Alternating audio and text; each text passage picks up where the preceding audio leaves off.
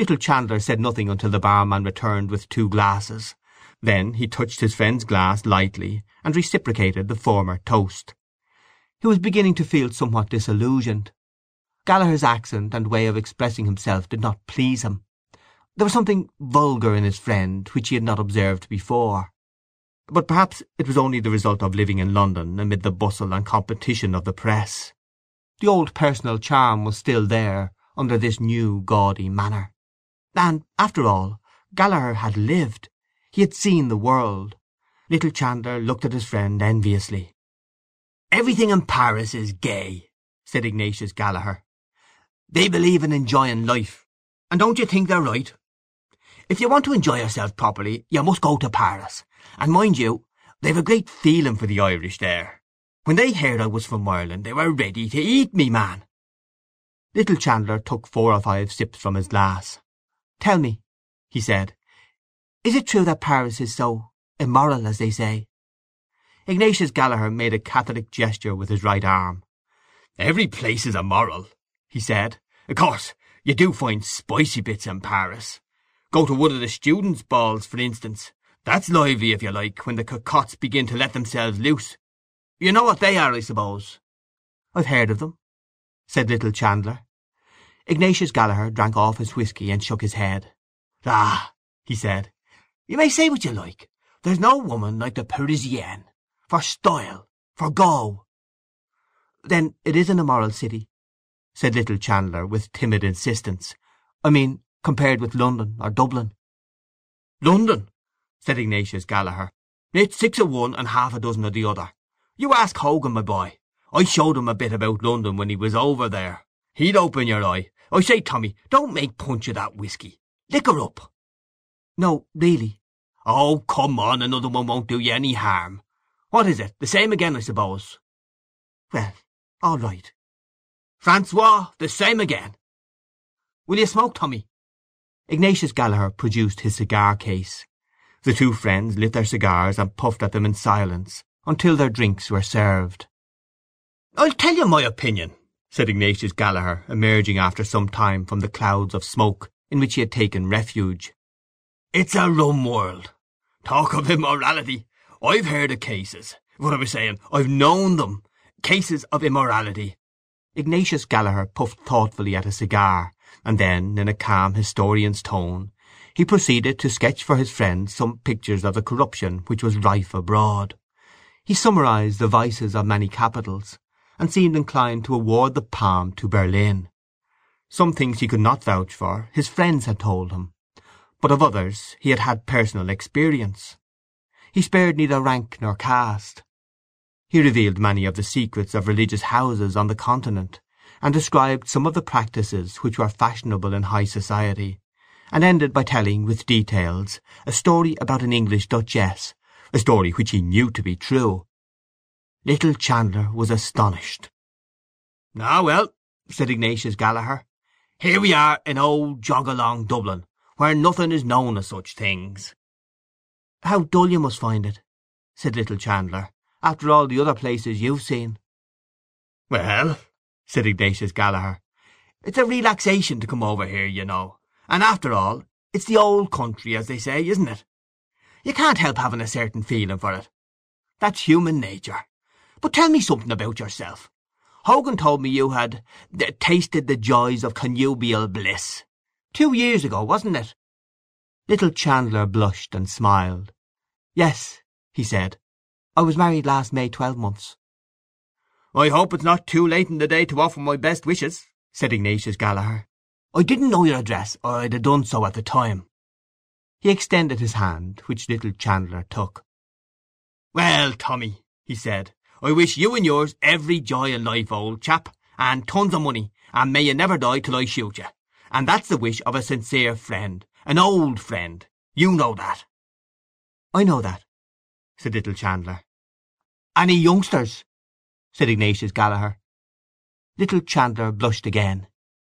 "We have one child," he said. "Son or daughter?" "A little boy."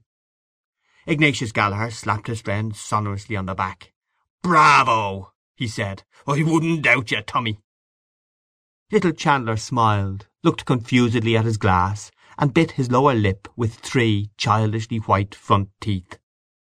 "I hope you'll spend an evening with us," he said, "before you go back.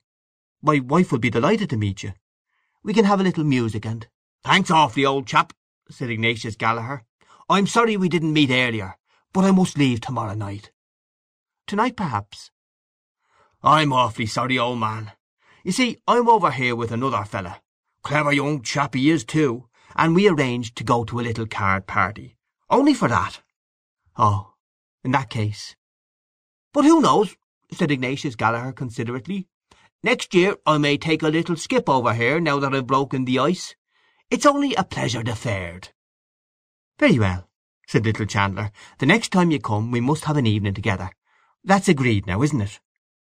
"Yes, that's agreed," said Ignatius Gallaher. "Next year, if I come, parole d'honneur." "And to clinch the bargain," said Little Chandler, "we'll just have one more now." Ignatius Gallaher took out a large gold watch and looked at it. "Is it to be the last?" he said. "Because, you know, I have an A.P." "Oh yes, positively," said Little Chandler. "Very well, then," said Ignatius Gallaher. "Let us have another one as a deoc an doruis. That's good vernacular for a small whisky, I believe." Little Chandler ordered the drinks. The blush which had risen to his face a few moments before was establishing itself. A trifle made him blush at any time, and now he felt warm and excited. Three small whiskies had gone to his head, and Gallaher's strong cigar had confused his mind, for he was a delicate and abstinent person. The adventure of meeting Gallaher after eight years, of finding himself with Gallaher in Corless's, surrounded by lights and noise, of listening to Gallaher's stories, and of sharing for a brief space Gallaher's vagrant and triumphant life, upset the equipoise of his sensitive nature. He felt acutely the contrast between his own life and his friend's, and it seemed to him unjust. Gallaher was his inferior in birth and education. He was sure that he could do something better than his friend had ever done, or could ever do, something higher than mere tawdry journalism, if he only got the chance. What was it that stood in his way? His unfortunate timidity. He wished to vindicate himself in some way, to assert his manhood. He saw behind Gallaher's refusal of his invitation. Gallaher was only patronizing him by his friendliness, just as he was patronizing Ireland by his visit. The barman brought their drinks. Little Chandler pushed one glass towards his friend, and took up the other boldly. "Who knows," he said, as they lifted their glasses. When you come next year I may have the pleasure of wishing long life and happiness to Mr. and Mrs. Ignatius Gallaher." Ignatius Gallaher, in the act of drinking, closed one eye expressively over the rim of his glass. When he had drunk he smacked his lips decisively, set down his glass, and said, "No blooming fear of that, me boy. I'm going to have my fling first, and see a bit of life and the world before I put my head in the sack, if I ever do." "Some day you will," said Little Chandler calmly. Ignatius Gallaher turned his orange tie and slate blue eyes full upon his friend. "You think so?" he said. "You'll put your head in the sack," repeated Little Chandler stoutly. "Like every one else, if you can find the girl." He had slightly emphasized his tone, and he was aware that he had betrayed himself; but, though the colour had heightened in his cheek, he did not flinch from his friend's gaze.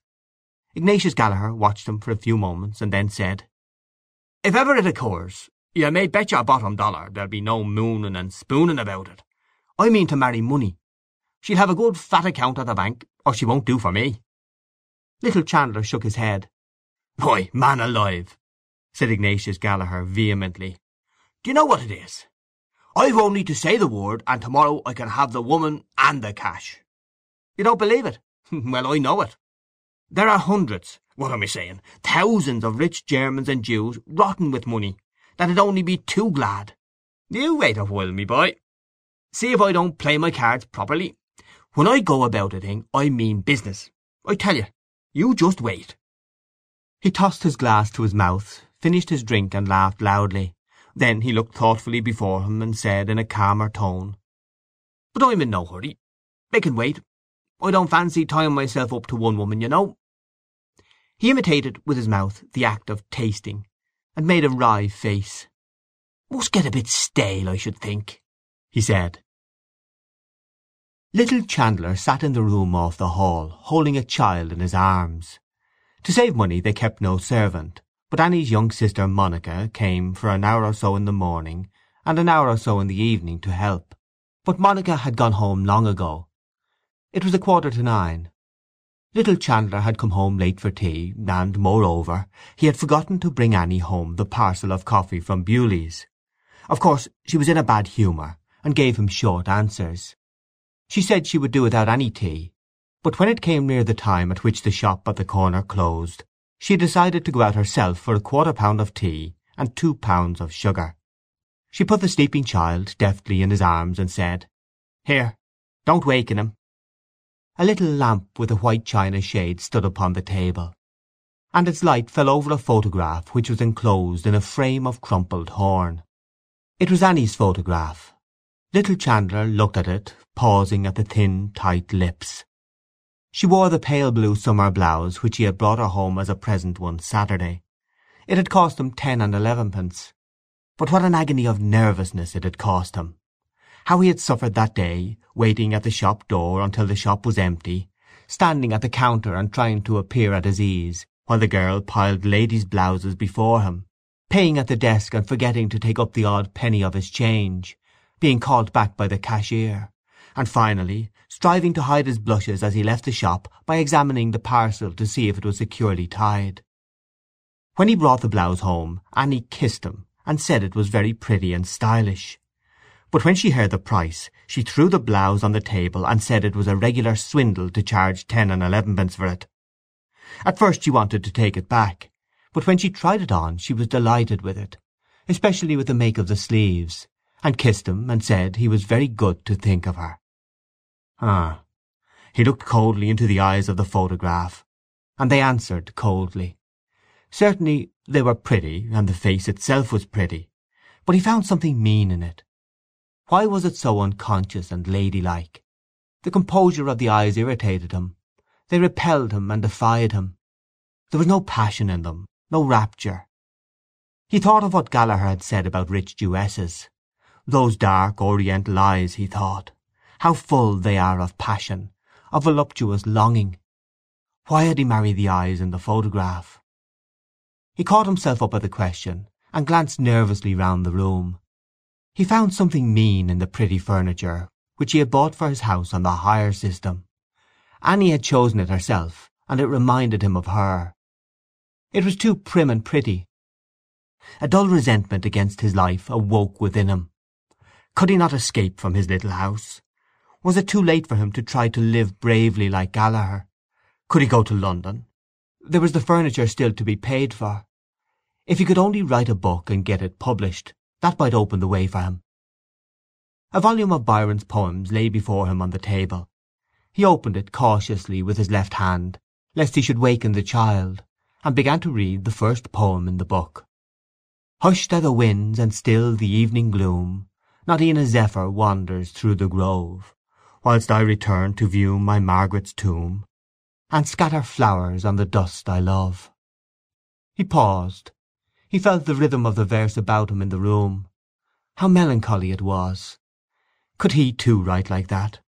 Express the melancholy of his soul in verse? There were so many things he wanted to describe. His sensation of a few hours before on Grattan Bridge, for example. If he could get back again into that mood. The child awoke and began to cry. He turned from the page and tried to hush it, but it would not be hushed. He began to rock it to and fro in his arms, but its wailing cry grew keener. He rocked it faster while his eyes began to read the second stanza.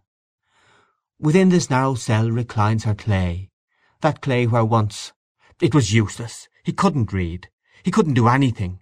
The wailing of the child pierced the drum of his ear. It was useless, useless. He was a prisoner for life. His arms trembled with anger, and suddenly bending to the child's face he shouted, "Stop!" The child stopped for an instant, had a spasm of fright and began to scream. He jumped up from his chair and walked hastily up and down the room with the child in his arms. It began to sob piteously, losing its breath for four or five seconds, and then bursting out anew. The thin walls of the room echoed the sound. He tried to soothe it, but it sobbed more convulsively. He looked at the contracted and quivering face of the child, and began to be alarmed. He counted seven sobs without a break between them, and caught the child to his breast in fright. If it died— The door was burst open, and a young woman ran in panting. "What is it? What is it?" she cried. The child, hearing its mother's voice, broke out into a paroxysm of sobbing. "It's nothing, Annie! It's nothing! He began to cry!" She flung her parcels on the floor, and snatched the child from him. "What have you done to him?" she cried, glaring into his face. Little Chandler sustained for one moment the gaze of her eyes, and his heart closed together as they met the hatred in them. He began to stammer. "Eh, it's nothing! He, he began to cry! I couldn't! I didn't do anything! What—" Giving no heed to him she began to walk up and down the room, clasping the child tightly in her arms, and murmuring, "My little man, my little manny, was oo frightened, love? There now, love, there now! Lamb o' bawn, mamma's little lamb o' the world, there now!" Little Chandler felt his cheeks suffused with shame, and he stood back out of the lamplight. He listened while the paroxysm of the child's sobbing grew less and less, and tears of remorse started to his eyes.